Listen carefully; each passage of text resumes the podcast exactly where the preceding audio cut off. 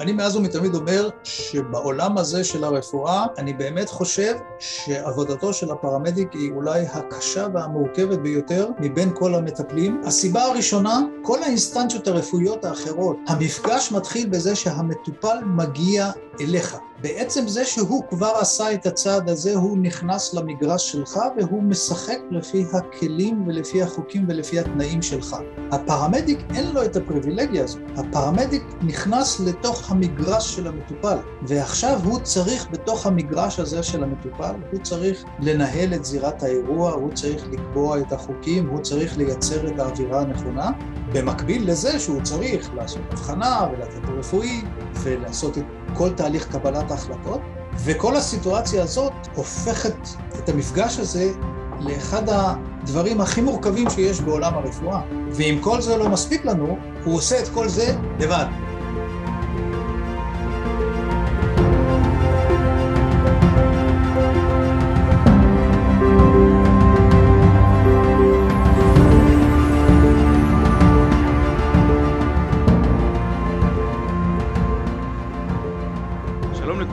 ברוכים הבאים לפרק נוסף בפודקאסט של ארגון הפרמדיקים הישראלי. בפרק הנוכחי אנחנו משוחחים עם דוקטור רפי סטרוגו, סמנכ"ל רפואה במגן דוד אדום, על ההיבטים המשפטיים הקשורים לעבודת הפרמדיקים בטרום בית החולים. שלום דוקטור סטרוגו. שלום וברכה.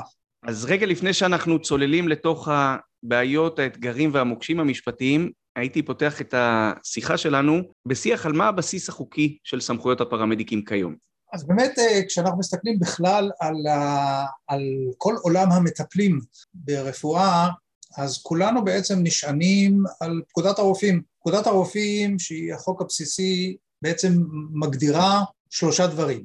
אחד, היא מגדירה מה זה טיפול רפואי, ומי שיקרא את הסעיף הראשון בפקודת הרופאים יראה שכל דבר החל מלהגיד בוקר טוב למטופל, דרך ללחוץ לו את היד, ובוודאי לבדוק אותו, לתשאל אותו, לתת לו תרופה, לתת לו מרשם וכולי, כל זה נכנס תחת הכותרת טיפול רפואי.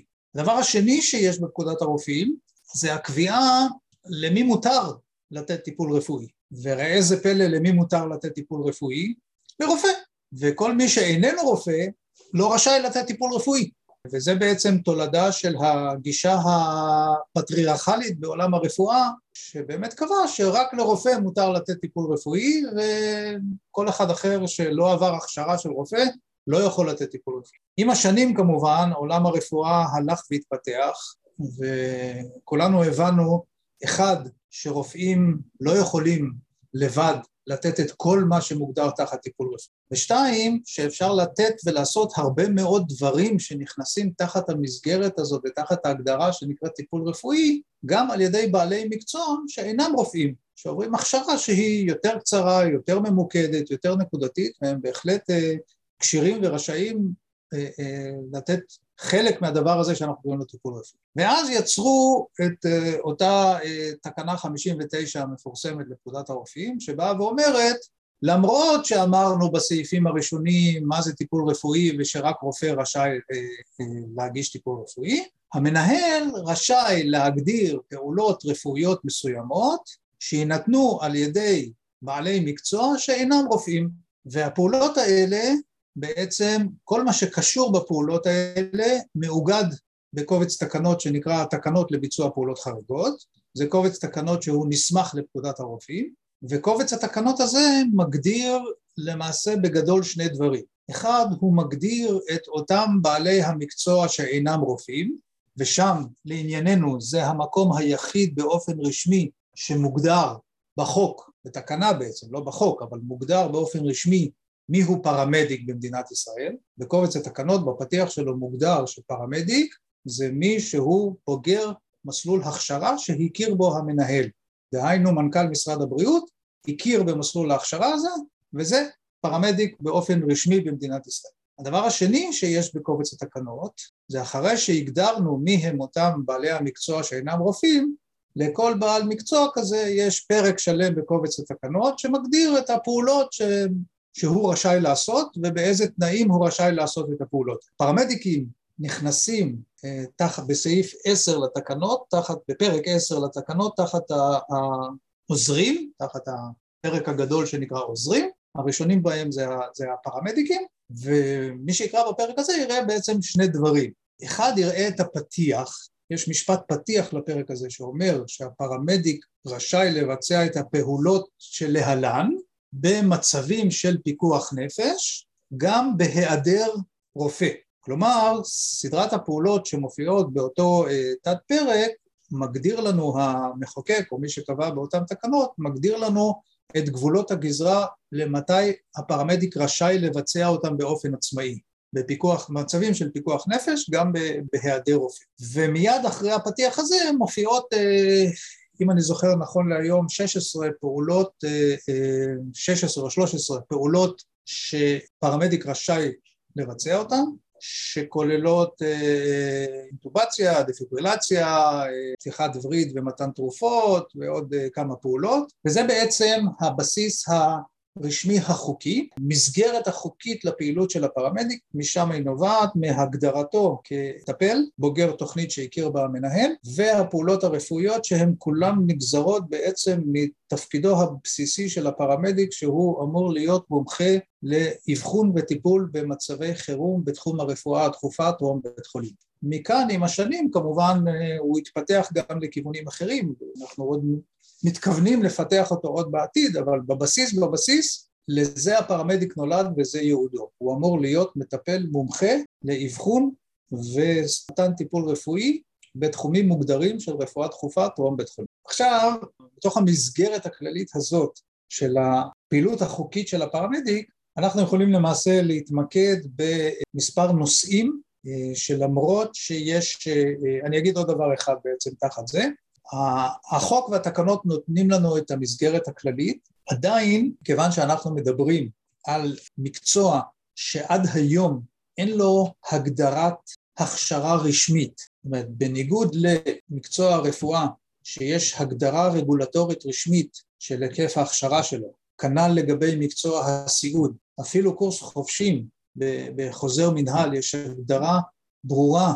של מהו הליך ההכשרה ומה צריך לעבור בן אדם כדי לקבל תעודת חובש. אין לנו נכון להיום רגולטורית בישראל הגדרה רשמית של משרד הבריאות מהו הליך ההכשרה שצריך לעבור פרמדיק. הכשרת הפרמדיקים בישראל נסמכת היסטורית על קורס הפרמדיקים האמריקאי וגם זה איזושהי לקונה שאמורה להיפטר בעזרת השם עם השלמתו של חקיקת אה, חוק הפרמדיקים ששם אמורות להיות, בסופו של דבר למעשה, אמורה להיות שם ועדה מקצועית שהיא תהיה אמונה על קביעה גם של הליך ההכשרה והליך ההסמכה, מסגרת של הפעולות והמסגרת של הטיפולים ושמירת הכשירות וכל מה שקשור לחלק הפרופסיונלי של המקצוע הזה, זה, זה אולי לב ליבו של חוק הפרמדיקים, כדי ש, שאנחנו נייצר בסופו של דבר בארץ מבנה מסודר של מקצוע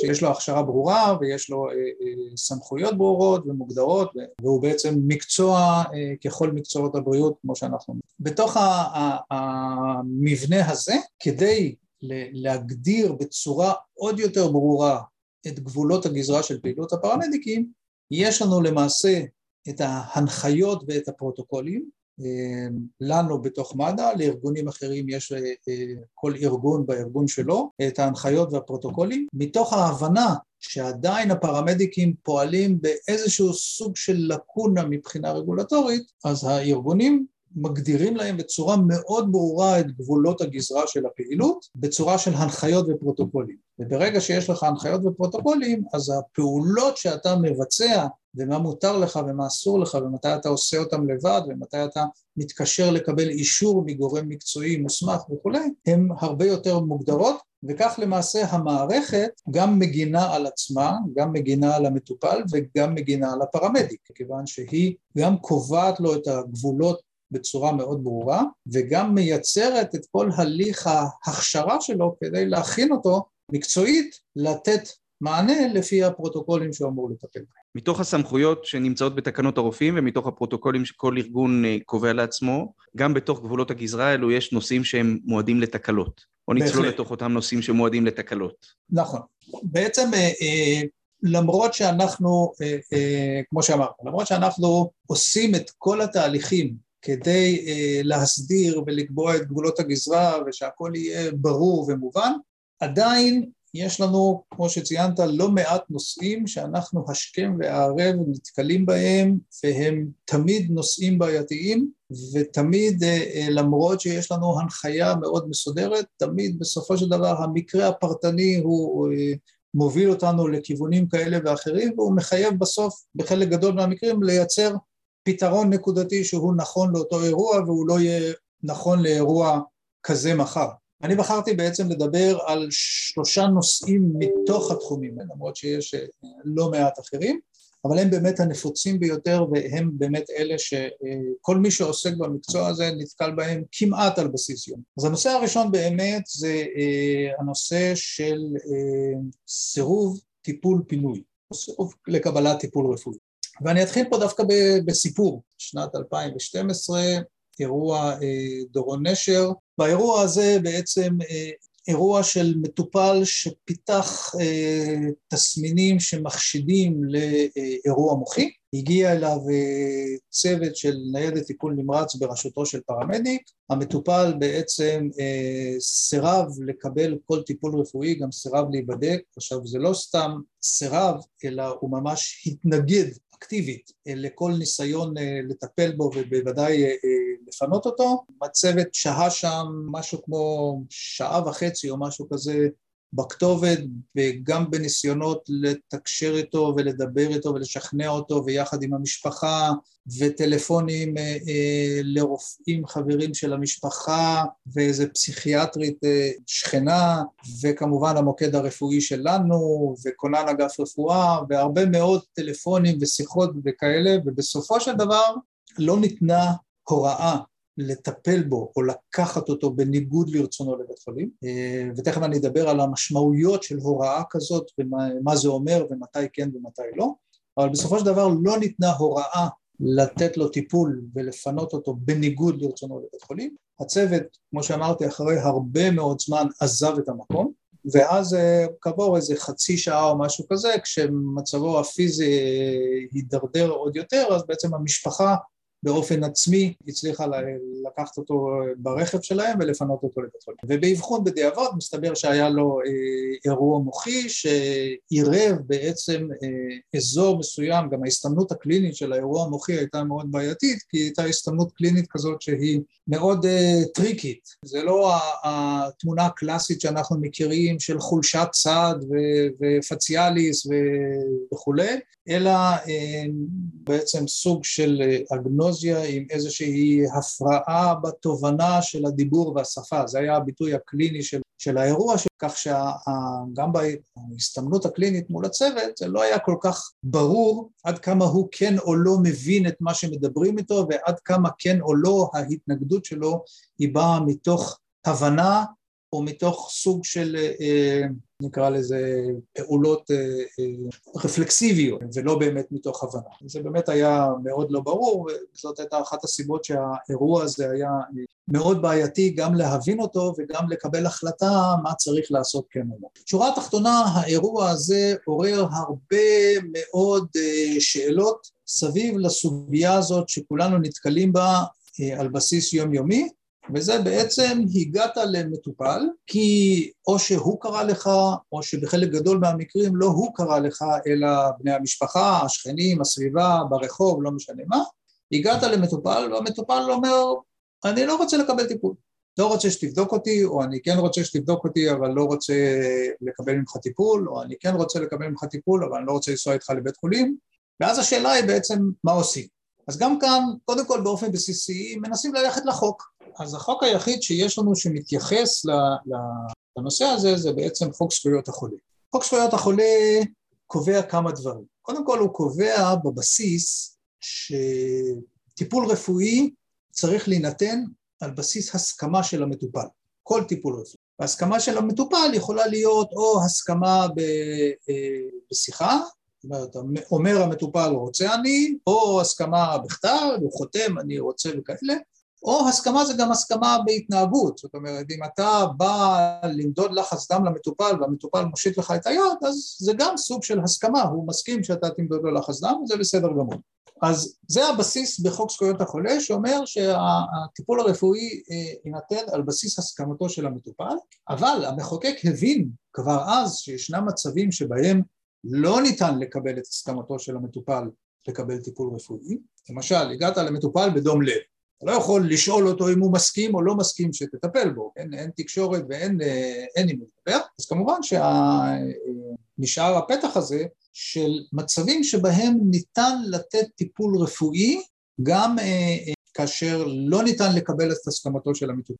ויש שם כל מיני תנאים, בתנאי שהמטופל, אם וכאשר הוא היה חוזר לעצמו, הוא היה מסכים, ואם זה מיטיב איתו, וכל מיני הגדרות כאלה, אבל זה באמת טוב להשתמש בכל הסיטואציות האלה של הגעת לתת טיפול למטופל שהוא מחוסר הכרה, בדום לב, שמסיבה כזאת או אחרת אין תקשורת עמו, החוק מאפשר לתת לו טיפול. החלק היותר בעייתי, מה עושים עם מטופלים שכן יש סוג מסוים של איתם, ומה עושים עם מטופלים שלא רק שהם מסרבים, אלא הם גם מתנגדים. ופה יש הבדל בין מטופל שאומר אני לא רוצה, לבין מטופל שממש אה, מתנגד לטיפול, משתולל, מרביץ, אה, מתפרע, מה עושים בסיטואציה הזאת. פה באמת בסעיפים האלה של מטופל שהוא מתנגד לטיפול, אז יש לנו בחוק את האופציה של, אה, יש לנו שתי אופציות, במצב חירום אפשר לכנס אה, ועידה, ועדה של שלושה רופאים שחותמים על אה, צורך במתן טיפול חירום,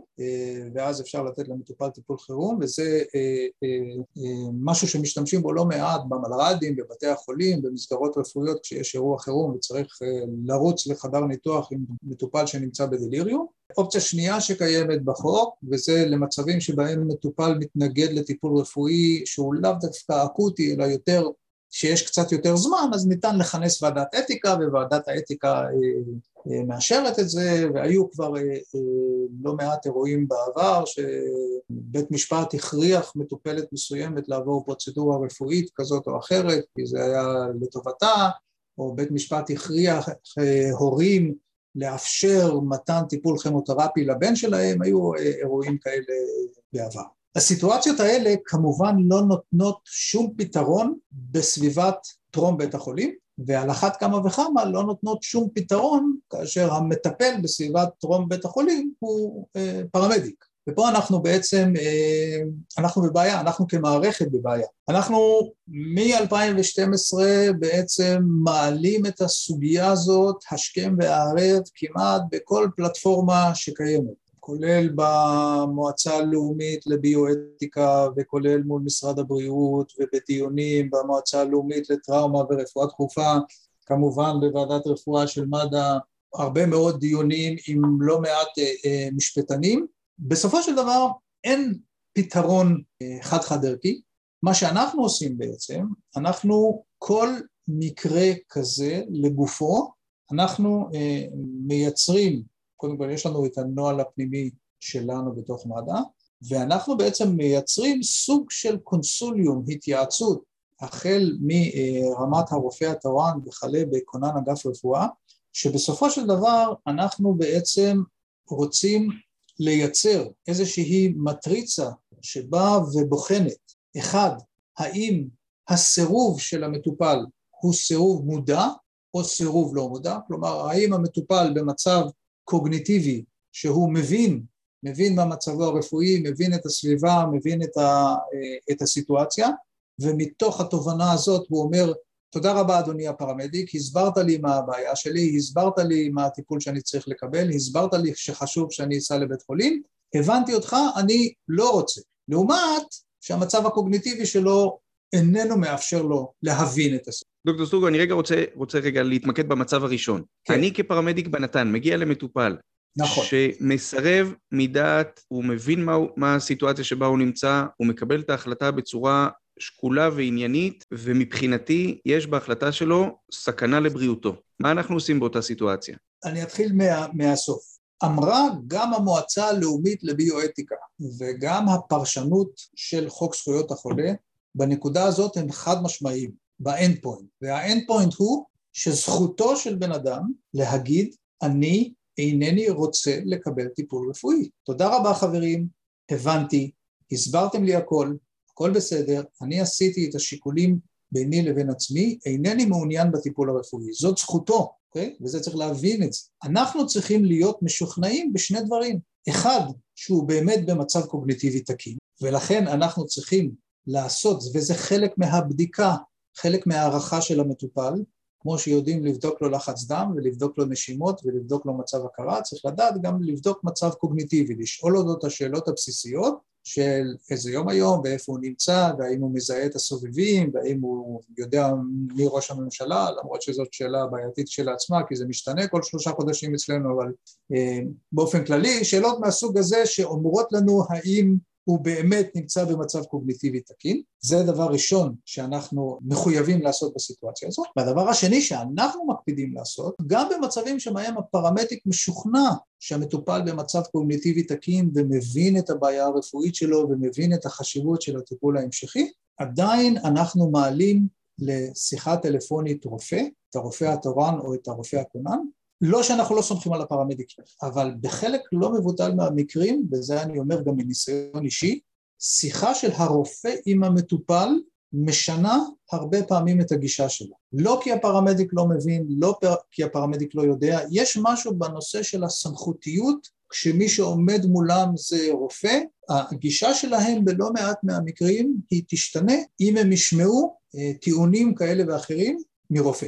ולכן בסיטואציות האלה כאשר אנחנו מדברים על מצב שמצד אחד להערכת הפרמדיק הוא מצב מסכן חיים או מצב חירום, אבל המטופל הוא במצב קוגניטיבי תקין ואומר אינני רוצה, בסיטואציה הזאת עדיין אנחנו מנחים, תעלה את הרופא התורן או את כונן אגף רפואה, תייצר את השיחה הישירה בין הרופא והמטופל, הכל כמובן גם מוקלט ומתועד, זה מאוד חשוב להקליט ולתעד את המפגש ואת הדיון, ובסופו של המפגש הווירטואלי הזה, לפעמים המטופל ישתכנע ויסכים לקבל את הטיפול ולהתפנות לבית חולים, ולפעמים לא. והיו לי גם מקרים כאלה וגם מקרים כאלה לאורך השנים. אבל בסופו של דבר, ברגע שהמטופל במצב קוגניטיבי תקין, גם אם יש לו כרגע acute MI, זכותו להגיד, אני לא רוצה לנסוע לבית חולים. זכותו. אנחנו נעשה את הכל בשביל להסביר, לשכנע וכולי, זכותו להגיד אני לא רוצה.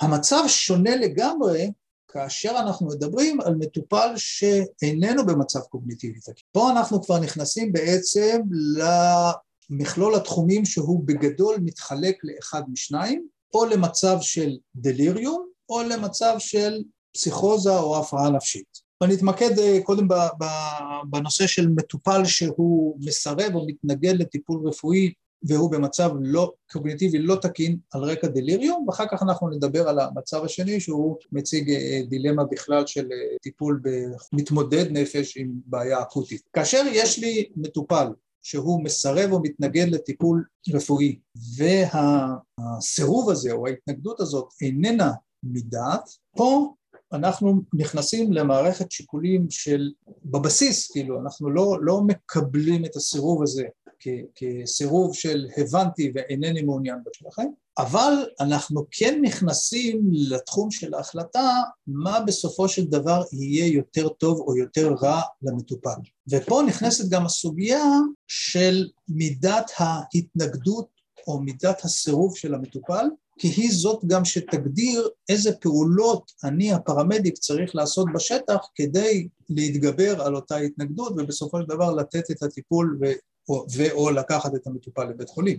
וכמובן שצריך להבין שיש לנו פה אה, אסקלציה של פעולות מסוימות. זה יכול להיות החל ברמה של, אני תמיד אומר בואו ניקח את הדוגמה של סבתא לחביבה אה, בת 92 אה, שהיא אה, סיעודית עם מידה מסוימת של דמנציה כזאת או אחרת והיא פיתחה מחלת חום היא כנראה יש לה איזה יורוספסיס, כי זה מה שדי שכיח במצבים האלה, וברור לכולנו, כולנו מכירים שבסטאפ כזה של יורוספסיס, אם היא לא תטופל בבית חולים עם נוזלים ואנטיביוטיקה בווריד, אז מן הסתם היא, היא תמות תוך 24-48 שעות, כי זה מה שקורה, וצריך לקחת אותה לבית חולים, כי רק שם היא יכולה לקבל את הטיפול הזה, לצערנו אף אחד, לא אף אחד, אבל במרבית אה, בתי האבות לא נותנים אה, עירוי של נוזלים ואנטיביוטיקה ומשאירים את ה... בבית האבות, אז צריך לקחת אותה לבית חולים, והצוות שלנו מגיע ועושה יפה את ההבחנה, ועושה לא עם הראש, לא, היא לא רוצה ללכת. זאת אומרת ההתנגדות שלה, א', ברור לנו שהיא לא לגמרי קוגניטיבית, כי גם בבסיס שלה יש לה מידה מסוימת של דמנציה, וגם כרגע היא תחת השפעה של איזושהי מחלה זיהומית כזאת או אחרת, אז כולנו מסכימים שמבחינה קוגניטיבית היא לא במצב תקין, אם הייתם באים להחתים אותה עכשיו על, על צוואה, אז אף בית משפט לא היה מכיר בזה, אז כמובן שמקובל על כולנו שהמצב הקוגניטיבי שלה לא תקין, מצד אחד. מצד שני, ברור לכולנו שיש לה מצב רפואי, שגם אם הוא לא מסכן כרגע מיידית את חייה, אז בטווח של ה-24 שעות הקרובות בוודאי הוא מסכן את חייה, והיא צריכה לקבל טיפול רפואי. והנקודה השלישית, מידת ההתנגדות שלה היא לא כזאת שאנחנו צריכים, מה שנקרא, אה, להרדים אותה ולהנשים אותה ולהסתער עליה כדי לקחת אותה לבית חולים, אבל עם מה שנקרא טיפונת אסרטיביות פתרנו את הסיטואציה. וצריך לזכור שבסופו של דבר אנחנו רוצים לעשות מה שהכי טוב למטופל, מה שלהבנתנו הכי טוב והכי נכון למטופל, זאת המטרה שלנו. אז זאת סיטואציה שהיא יחסית לא מורכבת. גם אותה דרך אגב אנחנו עושים, תחת אישור מרופא, עושים את אותו קונסוליום שדיברנו עליו לפני זה, ואני תמיד אה, מתייחס לזה לא כהפרמדיק מתקשר כדי לקבל אישור מהרופא, אלא הפרמדיק מתקשר כדי להתייעץ עם סמכות רפואית יותר בכירה, והייעוץ הזה הוא מייצר פלטפורמה לקבלת החלטות יותר נכונה במצבים שהם בעייתיים. וזאת ההסתכלות. צריך, צריך אולי לומר בהקשר הזה, דיברנו בהתחלה על, על הפרוצדורות שמותרות לפרמדיקים, ואנחנו שנינו יודעים, פרמדיקים יום-יום מרדימים ומנשימים מטופלים, שזו פרוצדורה מאוד מאוד מאוד אה, מתקדמת וחריגה בעולמות הבריאות.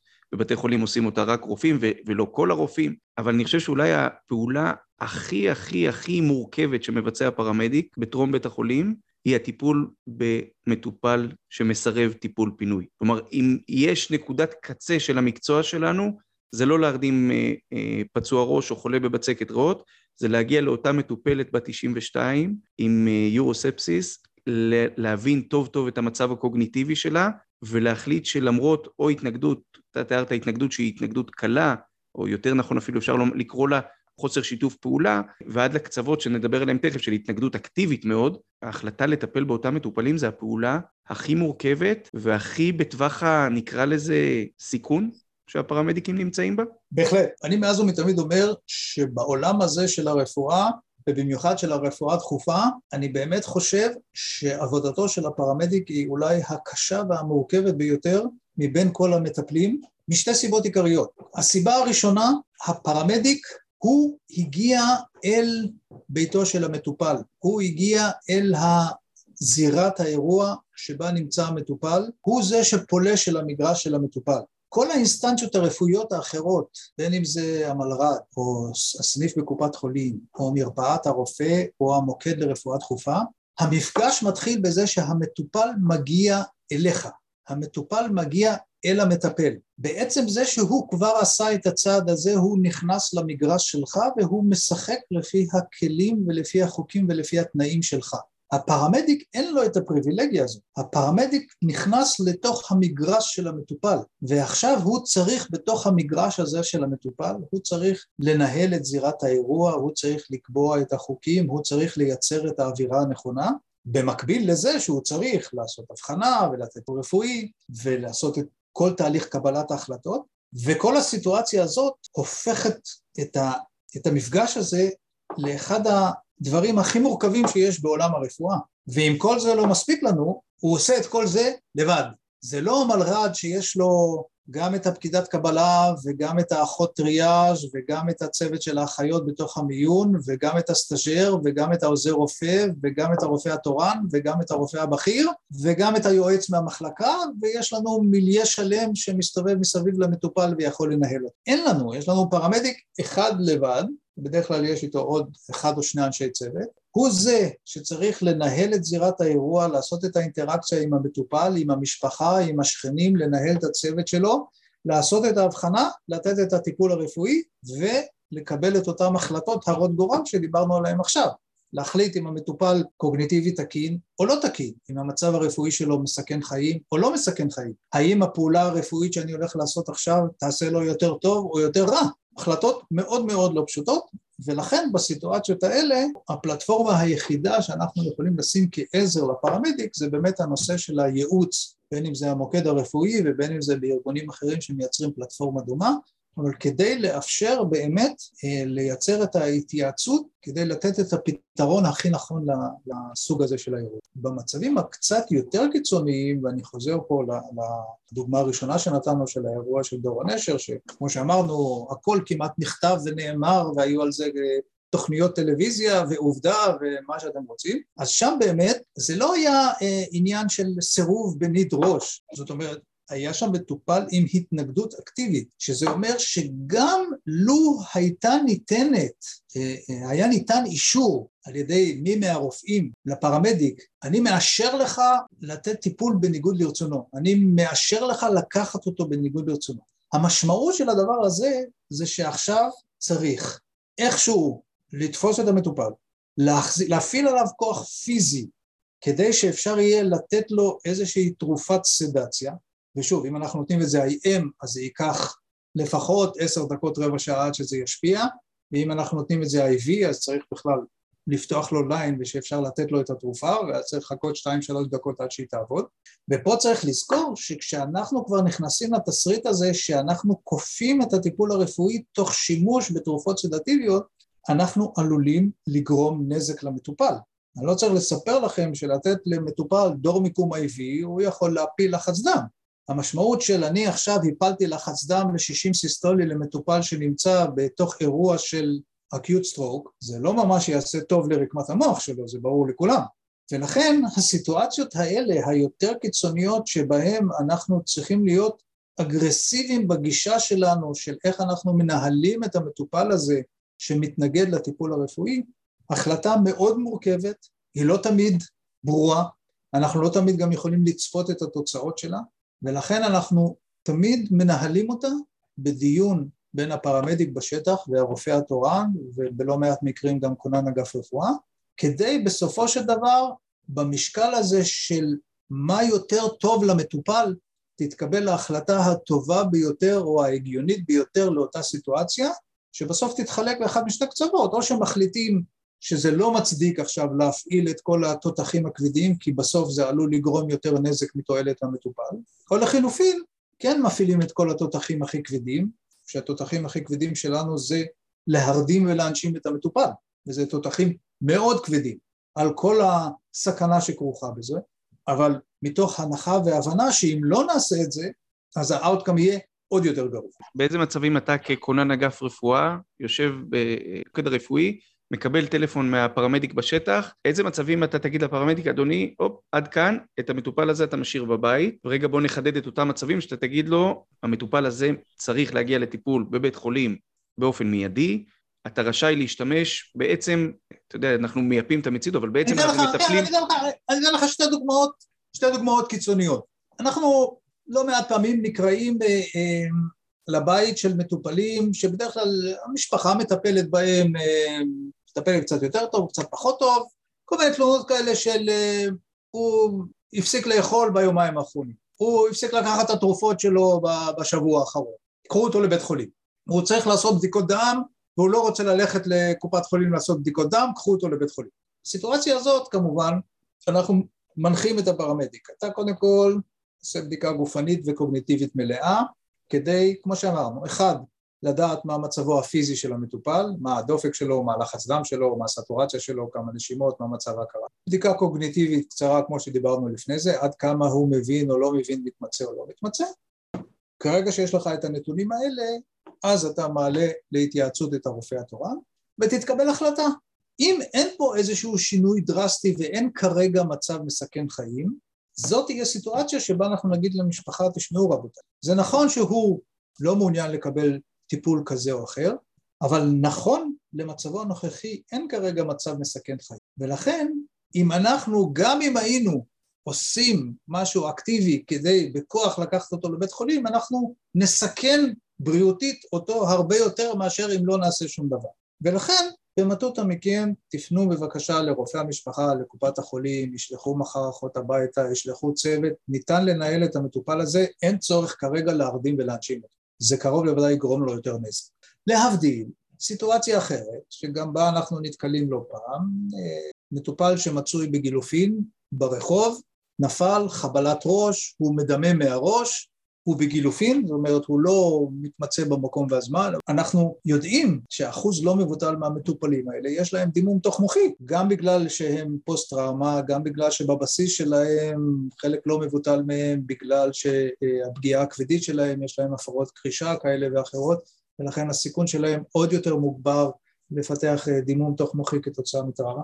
זה ברור לנו לחלוטין שאחד, המטופל הזה לא נמצא במצב קוגניטיבי תקין, שתיים, מבחינת מה שאנחנו רואים בהערכה הקלינית, יש סיכוי מאוד גבוה שיש לו מצב רפואי מסכן חיים בטווח של שעות, זה לא פה טווח של ימים, כי אם אנחנו מפספסים פה אפידורה למטומה, אז תוך ארבע שעות האיש הזה לא יהיה איתנו, ואם זה סבתור למטומה, אז תוך יומיים האיש הזה לא יהיה איתנו, אם אנחנו לא נעשה את ההבחנה וניתן את הטיפול. ולכן בסיטואציות האלה, התשובה היא תהיה לצוות, כן, תעשו כל מה שניתן כדי לקחת אותו לבית חולים. החל מתהיו יותר אסרטיביים, ולפעמים זה מסתדר, ועד תנו לו תרופה סדטיבית כדי להרגיע אותו ותיקחו. הכל בהתאם לרמה, אנחנו תמיד נעדיף להשתמש ברמת האגרסיביות היותר נמוכה כדי לקחת את המטופל, אבל בסופו של דבר אם הגענו למסקנה שחייבים לקחת אותו לטיפול המשכי אחרת זה יסכן אותו, אנחנו נלך לאסקלציה גם הגבוהה ביותר, שזה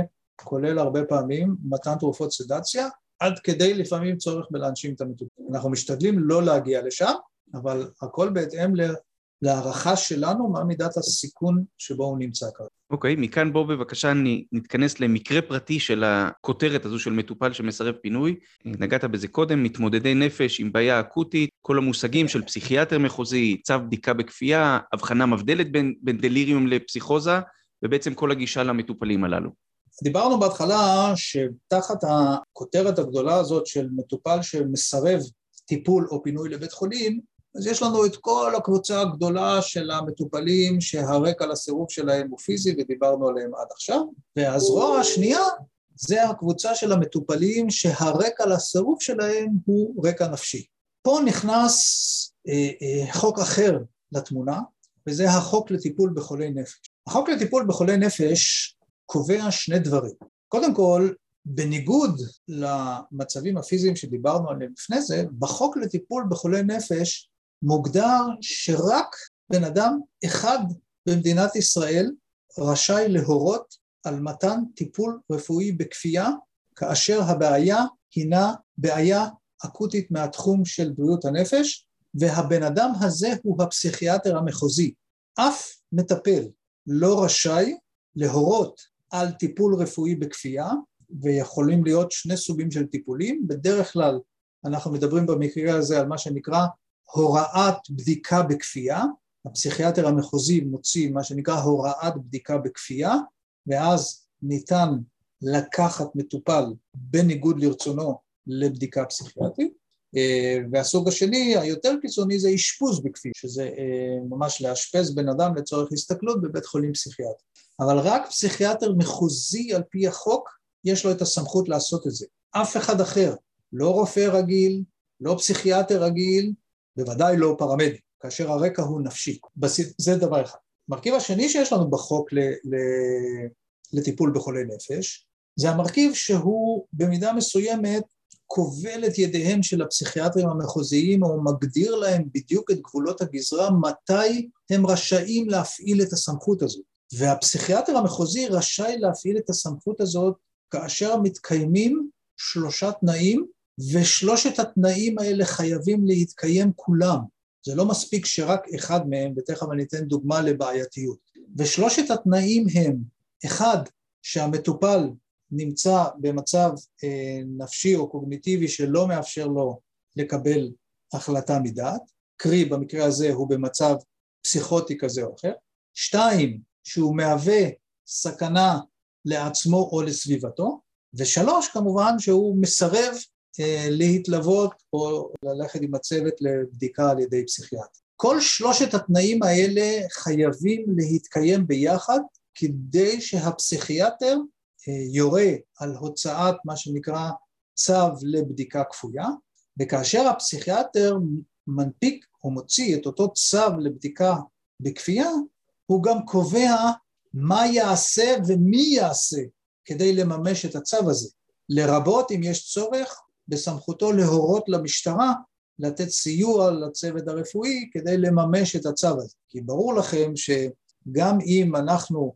הפעלנו את כל המערכת ובסופו של דבר עומד הפרמדיק בזירת האירוע, הפרמדיק עם שני החובשים המלווים שלו, והם עכשיו צריכים להתמודד עם אה, בחור בגובה שני מטר, ברוחב שתיים וחצי מטר, שהוא במצב פסיכוטי ומשתולל ושובר כיסאות וכאלה, אז גם אם הפסיכיאטר ינפיק את התעודה שלו, אבל לא ינחה את המשטרה לסייע לפרמדיק, אז התעודה הזאת כמובן לא, לא תעזור בשום דבר, כי כולנו מכירים את הנושא של סייפטי, ואנחנו לעולם לא נסכן את הצוותים שלנו בסיטואציה כזאת אם אין לנו את הגיבוי הנדרש. ולכן החוק לטיפול בחולי נפש הוא קובע בסמכותו של מי, במקרה הזה הפסיכיאטר המחוזי, באיזה תנאים, כל שלושת התנאים צריכים להתקיים, וגם מי יבצע, בין אם זה, בדרך כלל זה יהיה דרך אגב האחים המאשפזים, אבל בחלק לא מבוטל מהמקרים זה מסתמך על הצוותים שלנו, בסיוע כמובן של, של המשטרה. הבעיה שלנו בתחומים האלה מורכבת בעיקר כאשר אנחנו מדברים על מטופלים אובדניים. זאת לקונה שהיא קיימת בכלל בתוך הסוגיה הזאת של מתן מענה מיידי למטופלים שיש להם בעיה דחופה מהתחום של בריאות הנפש. כי באמת, אם הגענו למטופל שהוא נמצא באיזשהו התקף פסיכוטי והוא רץ אה, ערום ברחוב בין המכוניות, זה סיטואציה שהיא יחסית נקרא לה די קלה, הצוות שלנו בזירה, הוא יתקשר למוקד הרפואי, יעלו את הפסיכיאטר המחוזי, הם יעבירו תיאור של מה שהם רואים או מה שהם מצאו בבדיקה, ובדרך כלל על בסיס התיאור הזה, או מקסימום הפסיכיאטר ישאל אותם עוד כמה שאלות כאלה ואחרות, ועל בסיס זה אה, אה, הוא ינפיק את ההוראה שלו, והמטופלים האלה בסופו של דבר, לפעמים זה פשוט לוקח קצת זמן טכנית עד שמשיגים את הפסיכיאטר ומפקססים וכאלה וזה, בסופו של דבר הסוגיה תיפתר ויקחו את המטופל הזה לבדיקה ו/או טיפול בבית חולים לחולה. הבעיה היותר קשה שלנו באמת זה המטופלים האובדניים. אותם מטופלים שעשו ניסיון אובדני ממשי, ממש אה, אה, ניסו לתלות את עצמם או בלעו כמות גדולה של כדורים ועכשיו אנחנו מגיעים, והם במצב קוגניטיבי תקין, והם לא עונים לאחד משלושת הקריטריונים שדיברנו עליהם. ופה אנחנו נכנסים לדילמה מאוד מאוד קשה, כי אנחנו הרבה מאוד פעמים מפעילים את המערך כמו שדיברנו עליו עכשיו, כלומר הצוות בזירת האירוע מתקשר, מוקד רפואי, פסיכיאטר מחוזי, מתארים את כל, ה, את כל הסיפור, ואז הפסיכיאטר המחוזי, ופה זה דרך אגב משתנה, כי ישנם פסיכיאטרים מחוזיים שנוקטים בגישה מסוימת, מפרשים את החוק בצורה קצת יותר, נקרא לזה מקלה, ויש כאלה שמפרשים את זה בצורה מאוד נוקשה, אז חלק מהפסיכיאטרים יבואו ויגידו, מבחינתי עצם העובדה שהוא עשה ניסיון אובדני כזה קיצוני, אני כבר מבחינתי שם אותו בקטגוריה של הוא לא לגמרי במצב שיפוט תקין, ולכן אה, מבחינתי הוא עונה לכל שלושת הקריטריונים. לעומת זאת יבואו פסיכיאטרים אחרים ויגידו, נכון שהוא מסוכן לעצמו כי הוא עשה ניסיון אובדני, ונכון שהוא מסרב לבוא לבדיקה פסיכיאטרית כי ביקשנו ממנו והוא אמר שהוא לא רוצה, אבל הוא לא עונה לסעיף הראשון כי הוא במצב קוגניטיבי תקין, הוא מתמצא במקום ובזמן, הוא השיפוט שלו תקין, הוא אומר אין יותר טעם לחיי, אני רוצה למות. הוא יודע איזה יום היום, הוא לא שומע קולות, הוא, הוא עונה לכל השאלות, הוא, הוא רק אומר, אני רע לי מאוד כי קרה לי משהו, אני רוצה למות, תעזבו אותי. דילמה מאוד קשה, לא תמיד יש לה פתרון, הרבה מאוד פעמים הפסיכיאטרים המחוזיים אה, לא נוטים להנפיק, להשתמש בסמכות שנתן להם החוק, ואני מבין אותם, כי הם באים ואומרים, חברים, המחוקק הגדיר לנו בדיוק מתי כן ומתי לא, אנחנו לא יכולים אה, על בסיס זה שנראה לכם או תחושת הבטן שלכם תהיה נכונה ככל שתהיה, אנחנו לא יכולים להשתמש בזה כמנוף להוציא הוראת בדיקה בכפייה, צריך להבין שהוראת בדיקה בכפייה זה אנחנו מאשרים חוקית לתקוף את הבן אדם, לעזוק אותו, לקשור אותו, לקחת אותו בכוח לבית חולים. אחר כך, וזה קורה לא מעט, תובעים אותם, מביאים אותם לבית משפט על אה, הגבלת חירות, על תקיפה, זה דברים שקורים כל שני וחמישי, הם סופגים לא מעט אה, ביקורת מבית המשפט למה הם אישרו במצב הזה ש... או במצב אחר שלא הייתה הצדקה מבחינה חוקית. ולכן זו סיטואציה שהיא מאוד מאוד מאוד מורכבת. גם בה אנחנו בסופו של דבר כל מקרה לגופו מנסים לייצר נקודתית את המענה הכי טוב שנראה לנו באותו רגע. אין לזה פתרון בית ספר אין לזה אפילו פתרון, כמו שהסברתי לכם, אין לזה אפילו פתרון מובנה בתוך מסגרת החוק, כי אפשר לפרש אותו לכאן ואפשר לפרש אותו לשם, ושני הדברים כנראה יהיו נכונים, ואנחנו בסוף נקודתית, אנחנו זה אומר קודם כל בראש ובראשונה הפרמדיק בשטח, כי הוא גם זה שמוביל את כל התהליך, הוא העיניים והאוזניים של כל מי שנמצא מאחוריו, גם של הרופא התורן והרופא הכונן והפסיכיאטר המחוזי, הוא זה שרואה מה שנעשה בשטח, הוא זה שצריך להעביר אחורה בצורה הטובה והמפורטת ביותר את המצב, כולל את ההערכה שלו, כי זה יהיה אחד הגורמים המכריעים לקבלת ההחלטה מה בסופו של דבר יעשו.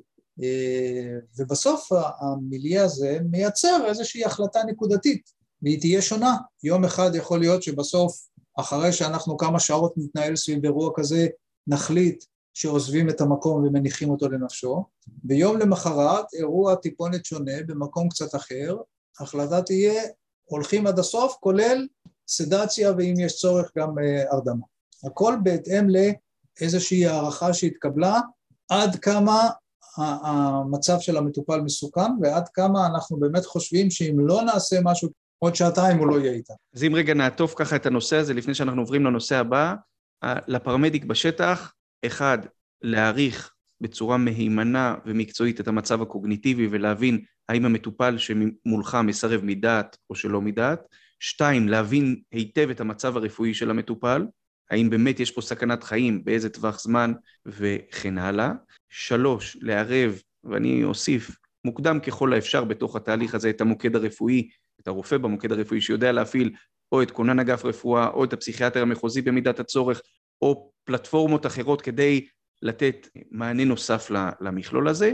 אני אציין עוד נקודה שדיברת עליה, לא פעם הדברים האלו נפתרים בעבודה של הפרמדיק מול המטופל, כמובן, תוך עירוב כל, הד... כל הדרגים, אבל כשאתה מבין היטב את הסיטואציה שבה אתה נמצא וכשאתה משדר אותה בצורה מהימנה, מקצועית, מלאה ובטוחה, לא פעם הדברים הללו אפשר גם להימנע מאסקלציה של, ה... של האירוע. חד משמעית, בנקודה הזאת צריך להבין, כל המערכת בסוף נשענת על הפרמדיק בשטח בזירת האירוע. הדרך שבה הפרמדיק בשטח ינהל את זירת האירוע, זה מה שיוביל את כל המערכת אחר כך. מה שעושה הפרמדיק בזירת האירוע יקבע כל כך הרבה דברים מכל מה שיקרה אחר כך, ולכן מאוד מאוד חשוב שהפרמדיק בזירת האירוע א', כמובן שהוא יפעל על פי הפרוטוקולים ולפי ההנחיות, אבל יותר חשוב מהכל שהוא ידע לחוש ולהבין את זירת האירוע ולנהל אותה מול המטופל ומול המשפחה ומול הסביבה, כי הרבה מאוד פעמים זה מה שיקבע את כל התהליך הזה. אני אוסיף עוד, עוד הערה לתוך הדברים, תיעוד של הדברים. גם אם החלטת לפנות את המטופל וגם אם החלטת להשאיר אותו בבית, תיעוד, תיעוד, תיעוד של כל התהליך של מה עשית, של עם מי התייעצת, כולל הסביבה של המטופל, משפחה של המטופל, תגובה של המטופל וכן הלאה. בהחלט. בכלל תיעוד בעולם הרפואה, אבל במיוחד ב setup שלנו של ה pre-hospital בעבודה של הפרמדיק, ואני חוזר למה שדיברנו בהתחלה, מכיוון שהפרמדיק הוא נמצא שם לבד, בבית של המטופל, בקניון או, או בזירה שבה אותה הוא מנהל, הוא נמצא שם לבד, אין עוד הרבה אנשים שהיו שם מסביב. מאוד חשוב לתעד כל דבר שעשינו וכל החלטה שקיבלנו כזאת או אחרת, להסביר, החלטתי לעשות ככה כי 1, 2, 3, 4 וזה נכון לכל מה שאנחנו עושים, בוודאי ובוודאי כשאנחנו מנהלים אה, זירות בעייתיות כאלה.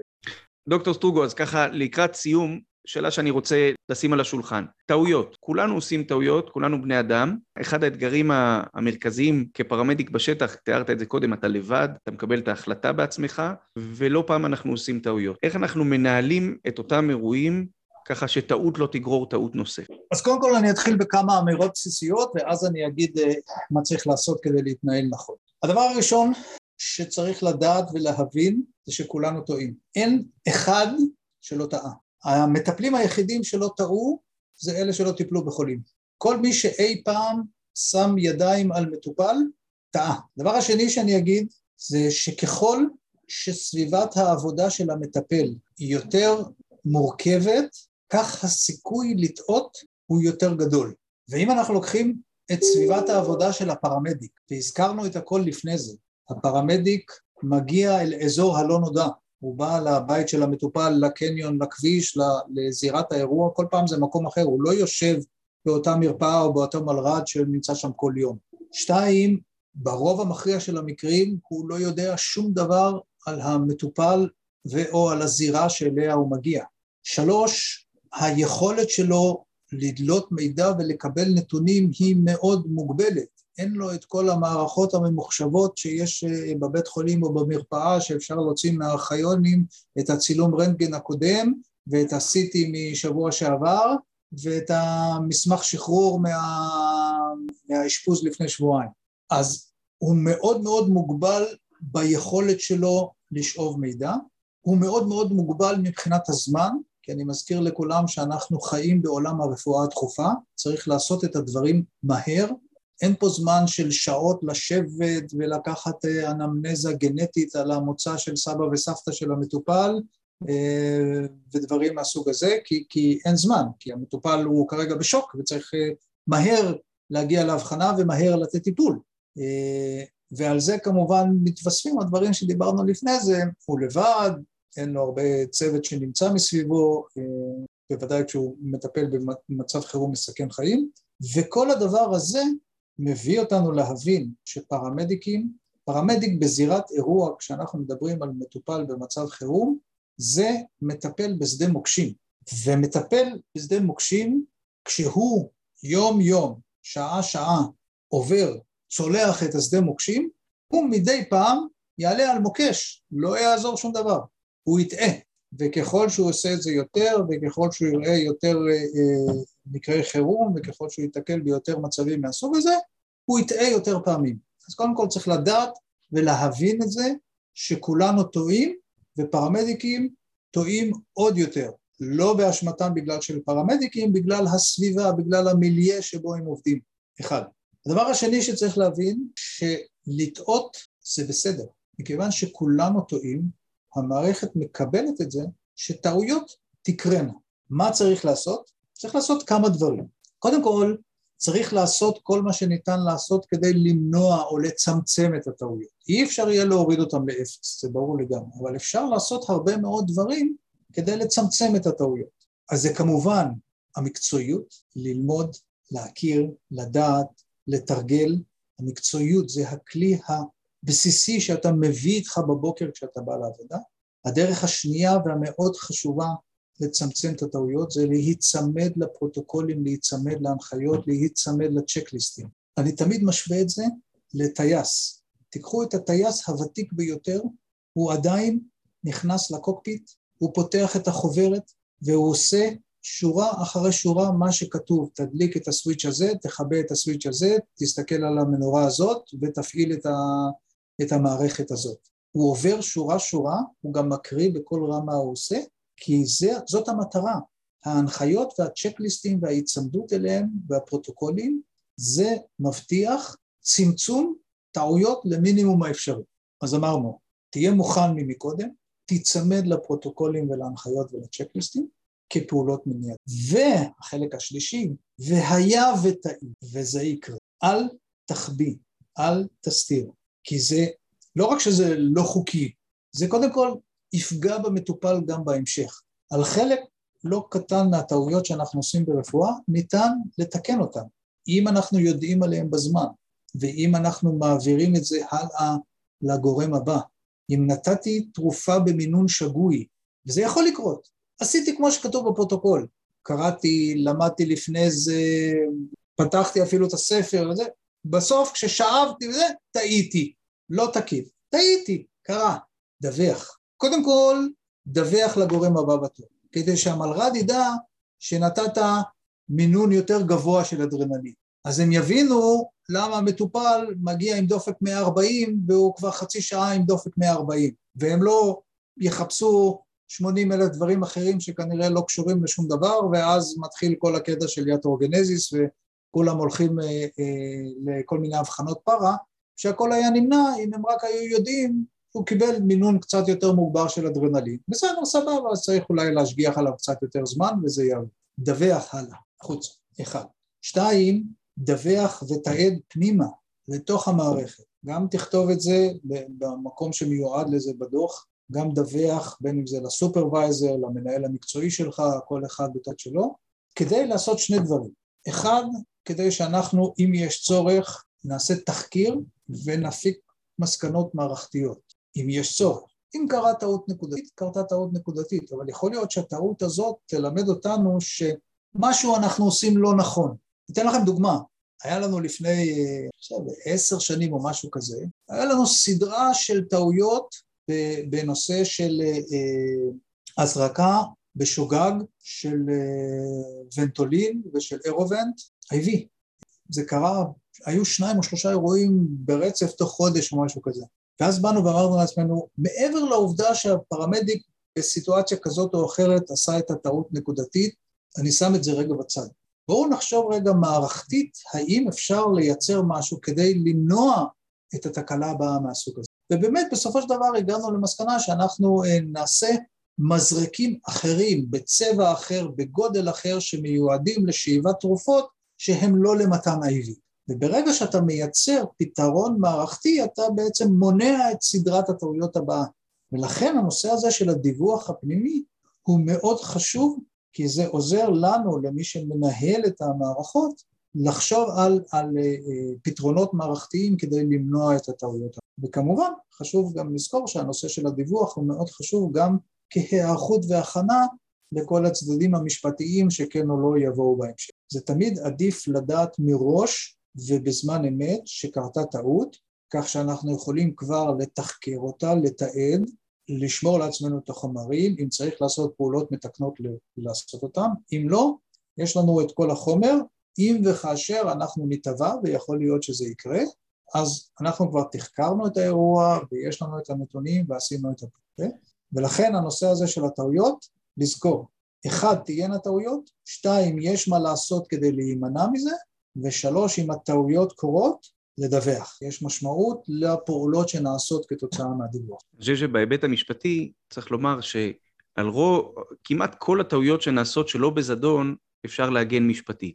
על טעות שלא מדווחת, פה כבר נכנס מרכיב ה... ה אני לא יודע אם לומר זדון, אבל, אבל ודאי מרכיב הרשלנות. ולכן אני חושב שהאמירה של בסופו של דבר, א', כולנו טועים, ב', טעית, תשמור על טובת המטופל, דווח קודם כל לצוות המלר"ד, וכן, גם פנימה. ועם הדברים האלה נסיים את השיחה שיכלה להימשך עוד רבות, עם נושאים רבים. אמרת את זה בסוף דבריך, אנחנו כפרמדיקים עם מקצוע נפלא, שאחד הדברים הנפלאים בו זה שאנחנו באמת יום-יום עובדים בתוך שדה מוקשים מקצועי, אישי, משפטי גם, ועם הדברים האלה אנחנו נסיים. תודה רבה, דוקטור סטרוגו. תודה רבה לך.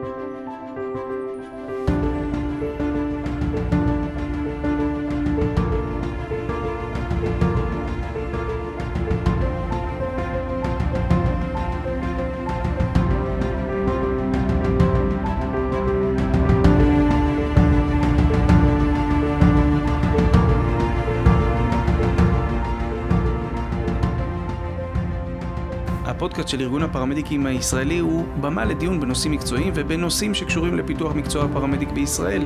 אנחנו בהחלט בהחלט מעודדים את הפרמדיקים להקשיב, לפתוח, להאזין ולהעשיר את עולמם.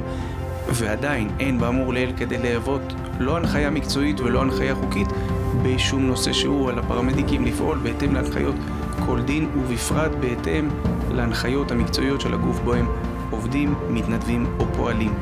אנחנו מאוד מאוד מודים לכם, הרבה הצלחה ולהתראות בפרקים הבאים.